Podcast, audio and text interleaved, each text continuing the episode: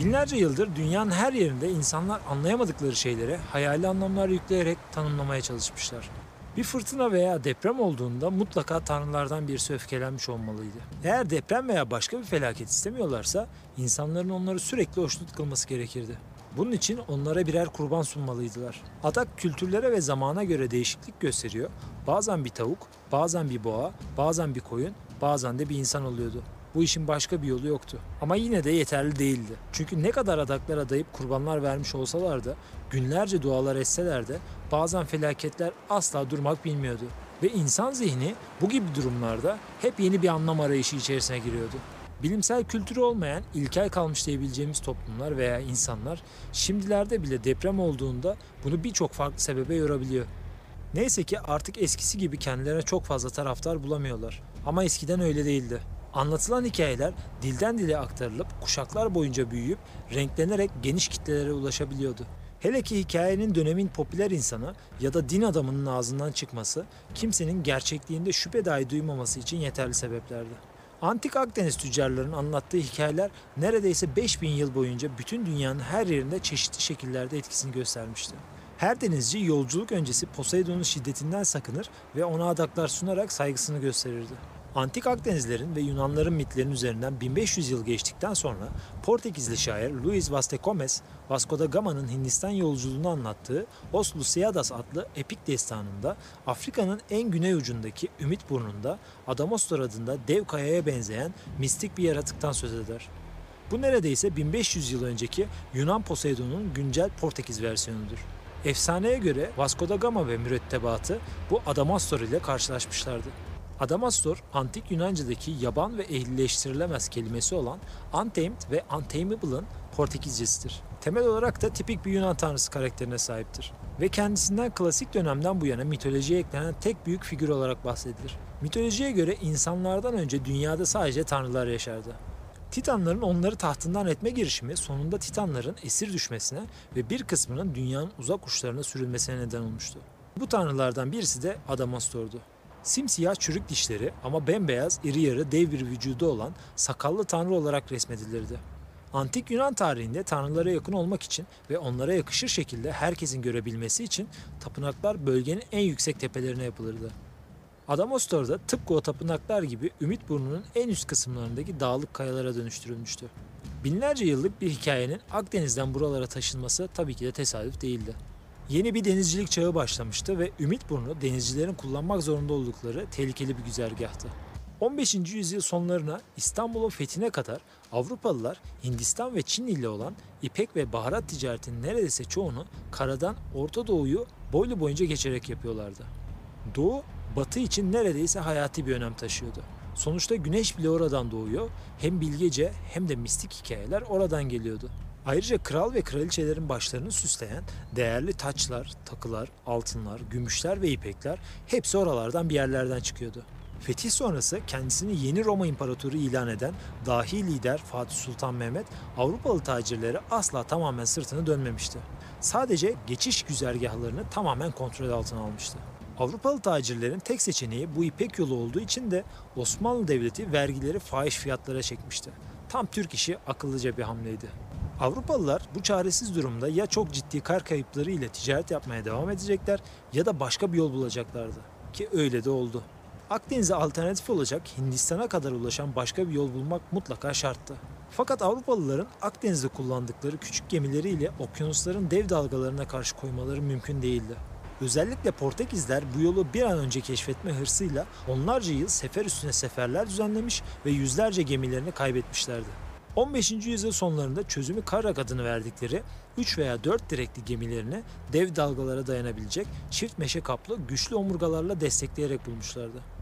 Portekiz Kralı 2. João, Ağustos 1486'da yerine getirilmek üzere Bartoloma Diaz'a gizli tutması gereken yüce bir görev verdi.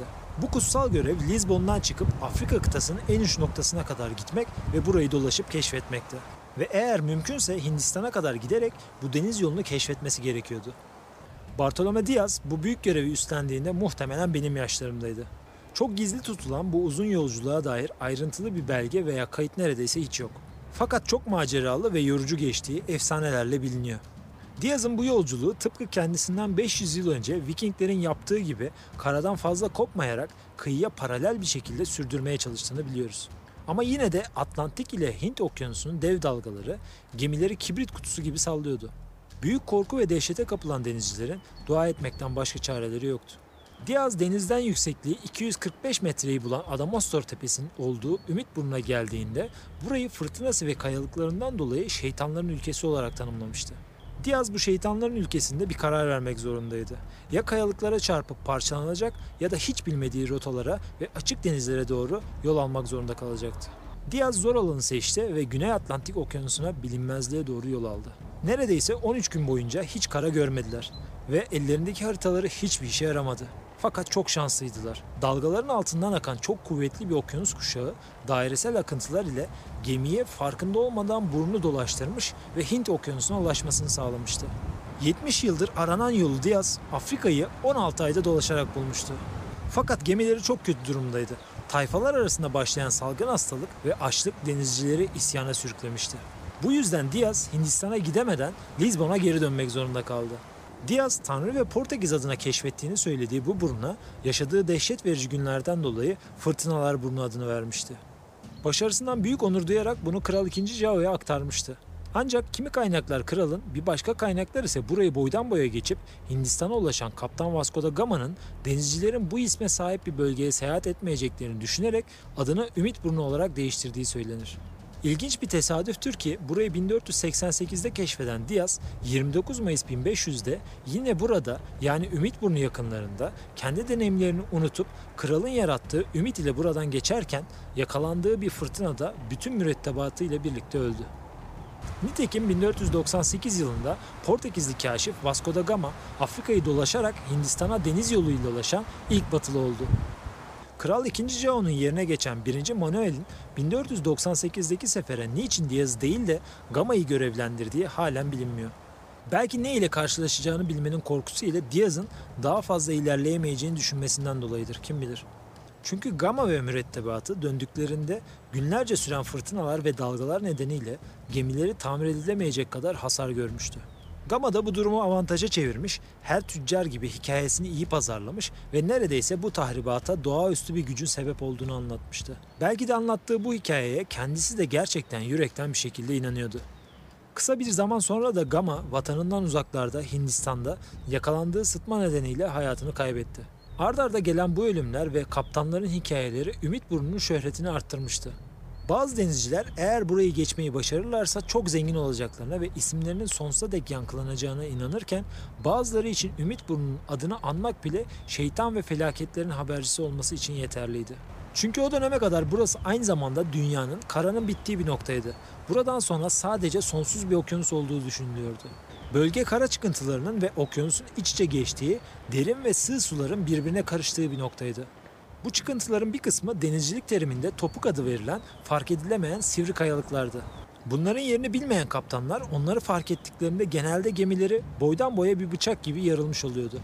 Daha nereye çarptıklarını anlayamadan denizin derinliklerini boyluyorlardı. Bu yüzden burası gerçekten de tam anlamıyla bir gemiler ve denizciler mezarlığıydı. Burada eski kalyonlardan modern tankerlere kadar 5000 üzerinde geminin battığı tahmin ediliyor. Bazen bu kayalıklarda sağ kalan denizciler de vardı tabii ki. Ama onları Avrupa'ya ulaşabilmeleri için Afrika kıtasından yürüyerek geçecekleri binlerce kilometrelik kurak, vahşi ve oldukça tehlikeli bir yol bekliyordu. Denizin bu tehlikeli yanları gibi burada havanın durumu da hiçbir zaman öngörülebilir değildi. Bir süre çok güzel giden hava şartları kısa sürede birden fırtınaya dönüşebiliyordu. Ayrıca açıklardan gelen yüksek dalgaların yönünü belirlemek bile çok zordu. Bu bölgenin denizciler tarafından şeytanın dünyadaki evi olarak adlandırılması gerçekten de tesadüf değildi. İşte meşhur uçan Hollandalı'nın namı değer kaptanı Van der Deken'ın yüzlerce yıl sürecek yolculuğu böyle derin bir temeli olan hikayenin üzerinde başlıyordu. Birçok uzman bu efsanenin mutlaka gerçek bir olaya dayandığına işaret ediyor. Ama yine de olayın gerçekte ne olduğu hakkında kesin bir netliğe hiç kimse sahip değil. 16. ve 17. yüzyılda başlayan denizcilik ve sömürge yarışına Hollanda'da güçlü donanması ve denizcileriyle katılmaya başlamıştı. Uçan Hollandalı ve kaptanı Van der Decken da bu sömürge ve keşif yarışına katılan denizcilerden biriydi. Ve başlangıç hikayesi Titanic'te olduğu gibi bariz dini motifler taşıyordu. İnanışa göre Titanic'in batması mühendislerin çok büyük bir gururla bu gemiyi Tanrı'nın bile batıramayacağını söylemesinden kaynaklıydı. Van der Deken'in hikayesinde ise kaptanın asla çıkmaması gereken bir Paskalya sabahı yola çıkması onun sonunu getirmişti. Hatta dönemin liman kurulu dahi kendisine denize açılmaması gerektiğini söylemiş ve izin vermemişlerdi. Ama o gerçekten kafasına koyduğunu yapmak isteyen inatçı bir denizciydi. Kendisini durdurmak isteyen eşi ve kız kardeşlerine ben bu yola çıkacağım, ister Tanrı eşlik etsin, isterse şeytan dediği ve son kez denize açılmak üzere gemisine binen kaptanın arkasında onlara gülümseyen bir şeytan gördükleri rivayet edilir. O dönemin insanları dini hikayelerle yoğurdukları yoğun bir batıl inanç kültürüne sahiptiler. Hemen hemen her şey Tanrı'nın bir mucizesi ya da şeytanın bir işaretiydi. Hele ki denizciler için bu tarz hikayeler birbirlerini korkutmak ve inançlarını kuvvetlendirmek için inanılmaz malzemelerdi. Fakat çok ciddi yan etkileri vardı. Gemiciler uzun yolculuklar sonrası limanlara vardıklarında stres atmak ve eğlenmek için her akşam tavernalarda ve barlarda buluşur, bu hikayeleri anlatır, bazen kadınları etkiler, bazen de mürettebat toplarlardı. Yani Kaptan Van der Deken'ın bu yolculuğa başlamadan önce hikayesi limanlarda dolaşmaya çoktan başlamıştı bile. Efsaneye göre Deacon, Ümit Burnu'na yaklaştığında tayfası yaklaşmakta olan fırtına bulutlarını görmüş ama kaptanı fırtınadan uzaklaştırmak için ikna edememişlerdi. Kaptan ne olursa olsun bu burnu geçecekti ve bunu fırtınayı yararak yapmayı planlıyordu. Bunu fark eden tayfanın yapabileceği tek şey isyan çıkarıp gemiye el koymaktı. Fakat kaptan soğukkanlı bir şekilde piposunu tüttürerek isyan liderini vurdu ve cesedini aç köpek balıklarının arasına attı. Ardından yelkenler dolu bir şekilde fırtınanın içerisine girerek Tanrı'ya ve şeytana küfürler ediyordu. Hikayelerin hemen hemen her versiyonunda uçan Hollandalı bu fırtınadan sağ çıkamadı ve şeytanın kölesi olarak sonsuza dek siyah yelkeniyle denizlerde korku salmaya devam etti. Efsaneleri, kahramanları ve tarihi döneme göre yorumlamak gerekir. Günümüzden bakarak aa ne komik veya aptalca diyebileceğimiz şeyler dönemin içinden bakılarak yorumlandığında oldukça ilginç durumlarla karşılaşmamızı sağlayabilir. Her zaman gemi dediğimizde kafamızda romantik yolculuklar canlanır. Ama işin gerçek kısmı geçmişte de günümüzde de pek öyle değildir. Denizcilik hangi alan olursa olsun gerçekten çok disiplin, bilgi ve deneyim isteyen zor bir iş. O zamanlar da öyleydi. Ortalama bir yıl süren yolculuklar boyunca denizciler küçücük havasız kameralarında hayvan, baharat ve insan kokuları iç içe geçmiş bir şekilde yan yana yatmak ve solumak zorundaydılar. Ama yine de doğayı, denizi ve gökyüzünü izlemek için geceleri fazlaca vakitleri de olurdu. Fakat o zamanlar gökyüzünde görünen çok az şey mutluluk getirirdi. Gördükleri bir kuyruklu yıldız mutlaka başlarına gelecek bir felaketin de habercisiydi. Bu denizcilerin hayatlarının her anı ölümle burun burunaydı. Birçoğu zaten yüzme bile bilmiyordu ve günümüzdeki gibi çalışan kişiye özel can yelekleri, simitleri, tekneleri de yoktu. Bilinmezliklere giden deniz yolculukları yapıyorlardı. Dünyanın sonuna geldiklerinde ya da denize düştükleri zaman onları denizin diplerine götüreceğine inandıkları deniz canavarları vardı. Karşılaştıkları birçok olayı o günün şartlarında anlamaları imkansızdı. Kaptan haricinde mürettebatın çoğunun okuma yazması dahi yoktu zaten. Sadece duyduklarına inanan insanlardı. Bu yaşanılanların hepsi denizcilerde psikolojik sorunlara neden oluyordu. Ayrıca psikolojilerini destekleyemeyecek kadar kötü bir beslenmeleri vardı. Üstüne bir de gemide yayılan olası bir salgın ile durumları daha da işler acısı bir hale geliyordu. Bu durumların üstesinden gelmek için yapabilecekleri şeyler şarkı söyleyip dans edip hikayeler anlatmak olurdu. Ama vakit o kadar çoktu ki hikayeler dönüp dolaşıp korku dolu hayalet gemilere ve deniz canavarlarına tekrar tekrar gelirdi. Dijital dünya öncesinde küçükken biz de öyle yapardık. Yazın mahallenin bir yerlerinde toplanır, sabahlara kadar birbirimize hayalet hikayeleri anlatır, sonrasında ise tuvalete koşa koşa giderdik. Bundan 500 yıl öncesini düşündüğümüzde de insanlar bu uzun yolculukları sadece bu tarz hikayelerle çekilebilir hale getirirdi. Gittikleri her limanda anlattıkları bu hikayeler 3. ve 4. kişilere ulaştıkça artık bambaşka öykülere dönüşürdü. Hikaye 21. yüzyıla geldiğinde Karayip korsanlarındaki Davy Jones karakterini oluşturabilecek olgunluğa çoktan kavuşmuştu bile. Denizcilikte uçan Hollandalı ve Davy Jones bir bütündü ve 17. yüzyılda tam anlamıyla denizin dibini boylamak anlamına geliyordu. Orada denizciler için ayrılmış Davy Jones'un bir sandığı vardı. Ölen denizcilerin ruhlarının hepsi bu sandıkta hapsedilirdi. Ben Uçan Hollandalı, Van der Decken ve Davy Jones üçlemesinin biraz Hristiyanlıktaki baba oğul kutsal ruh üçlemesiyle kesiştiğini düşünüyorum. Uçan Hollandalı gemisi ve Deacon baba oğlu temsil ederken Davy Jones denizciler için o kutsal ruhu temsil ediyordu. Uçan Hollandalı ve Deacon'ın temel bir gerçeklik boyutu varken Davy Jones ise hikayenin tamamen ilahi, soyut bir tarafını oluşturuyordu. Albatros çok güzel bir kuştur ve gerçek bir denizcidir. Sürekli gemileri izleyerek onların balık rotalarını takip eder durur. Ama bu takip 17. yüzyıl denizcileri için can sıkıcı bir takıntı haline gelmişti. Çünkü Davy Jones'un onları takip edebilmek için Albatros'un içine girdiğine inanmaya başlamışlardı. Albatros uçan Hollandalı'da olan her şeye sahipti. Kendinden emin ve soğukkanlı bir şekilde fırtınaların arasında kanat çırpmadan dakikalarca uçabiliyor. Onlar dev dalgalarla boğuşurken o sakince istediği zaman oradan uzaklaşabiliyordu. Ve tüm bunlar olup biterken dönüp her baktıklarında onunla göz göze geliyor, onları izlediğini fark ediyorlardı. Cesur denizcilerin bir kısmı bu hikayelerden o kadar rahatsız olurdu ki vurabildikleri martıları hiç düşünmeden vururlardı. Fakat korkan denizciler de haksız sayılmazdı.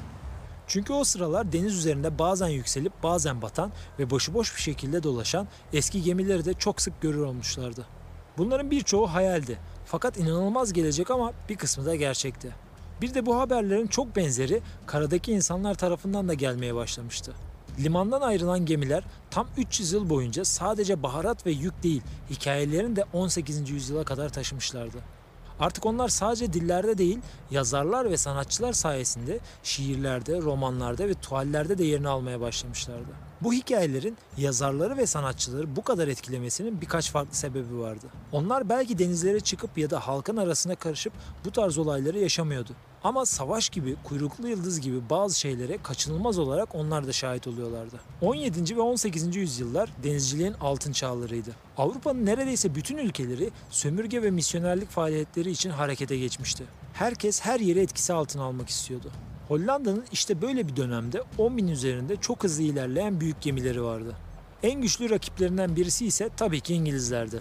Aynı zamanda büyücülük ve cadılık olaylarının da popüler olduğu bu zamanlarda İngiltere'de Dutch kelimesi 1666 yılında ilk kez kayıtlara geçmişti. O yıl İngilizler için çok fazla kötü haberci vardı. Güneş tutulmaları olmuş, yıldızlar kaymış ve çok fazla cadı olduğuna inandıkları insan çoğalmaya başlamıştı. O yaz kötü bir şeyler olacağına inanıyor, resmen felaketi çağırıyorlardı. İlk felaket 1665-1666 yıllarında Londra'da büyük veba salgını ile gelmişti. Ve bu İngiltere'nin hafızasına kazınan son büyük salgındı. İngiltere'nin dörtte birinin ölümünden sorumluydu. Anlam veremedikleri salgının üstünden haftalar geçmeden 150 Hollanda gemisi İngiltere'nin bazı köylerine bir sabah aniden saldırmaya da başlamıştı.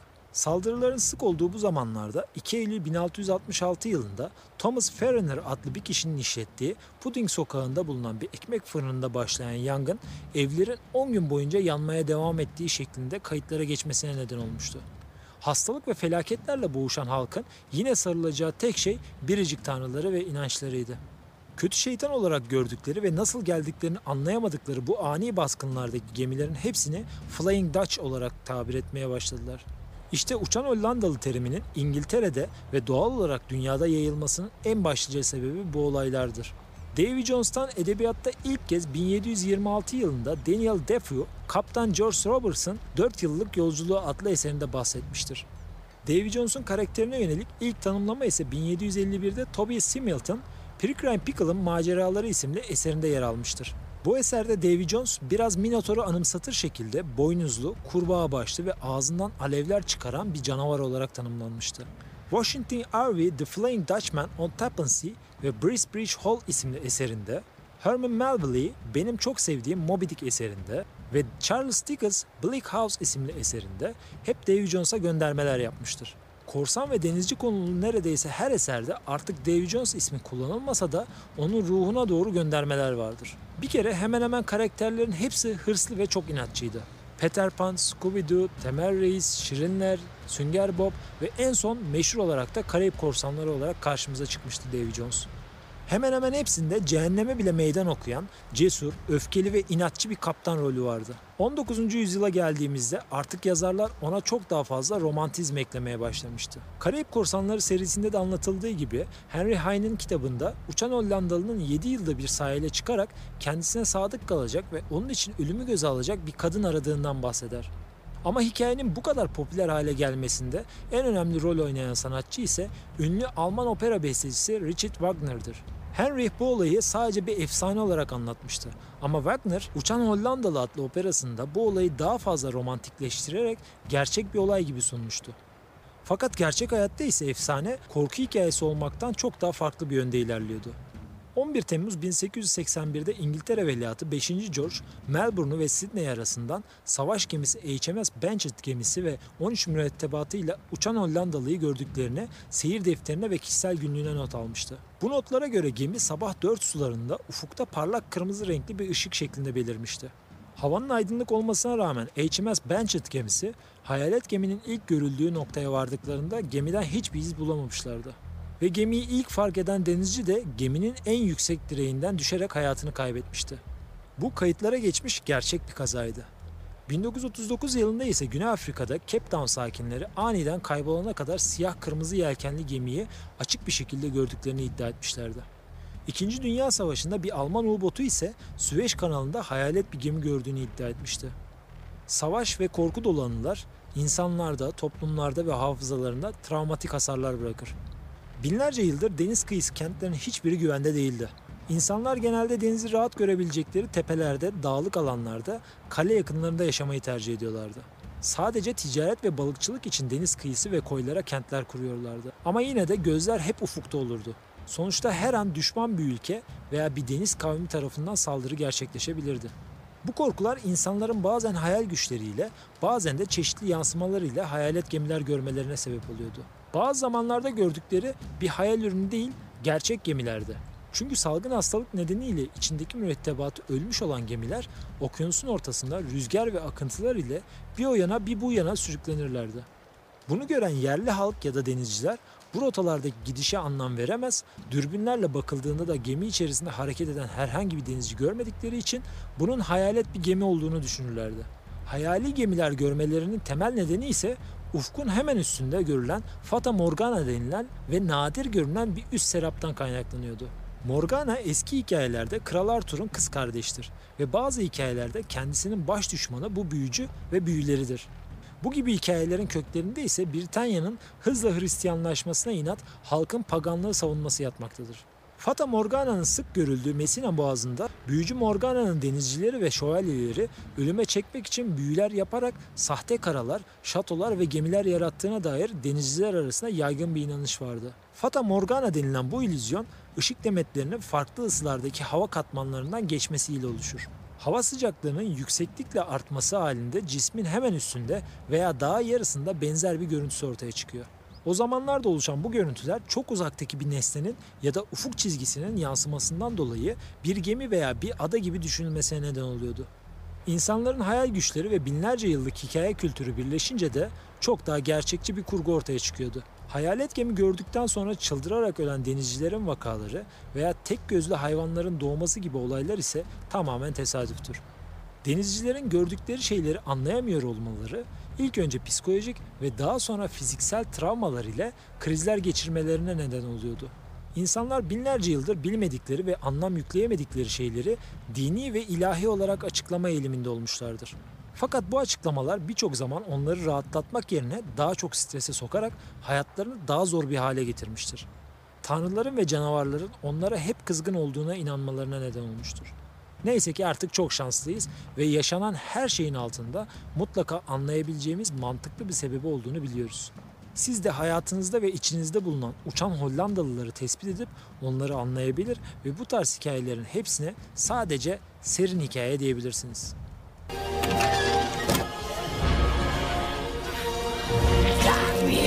Jack Sparrow!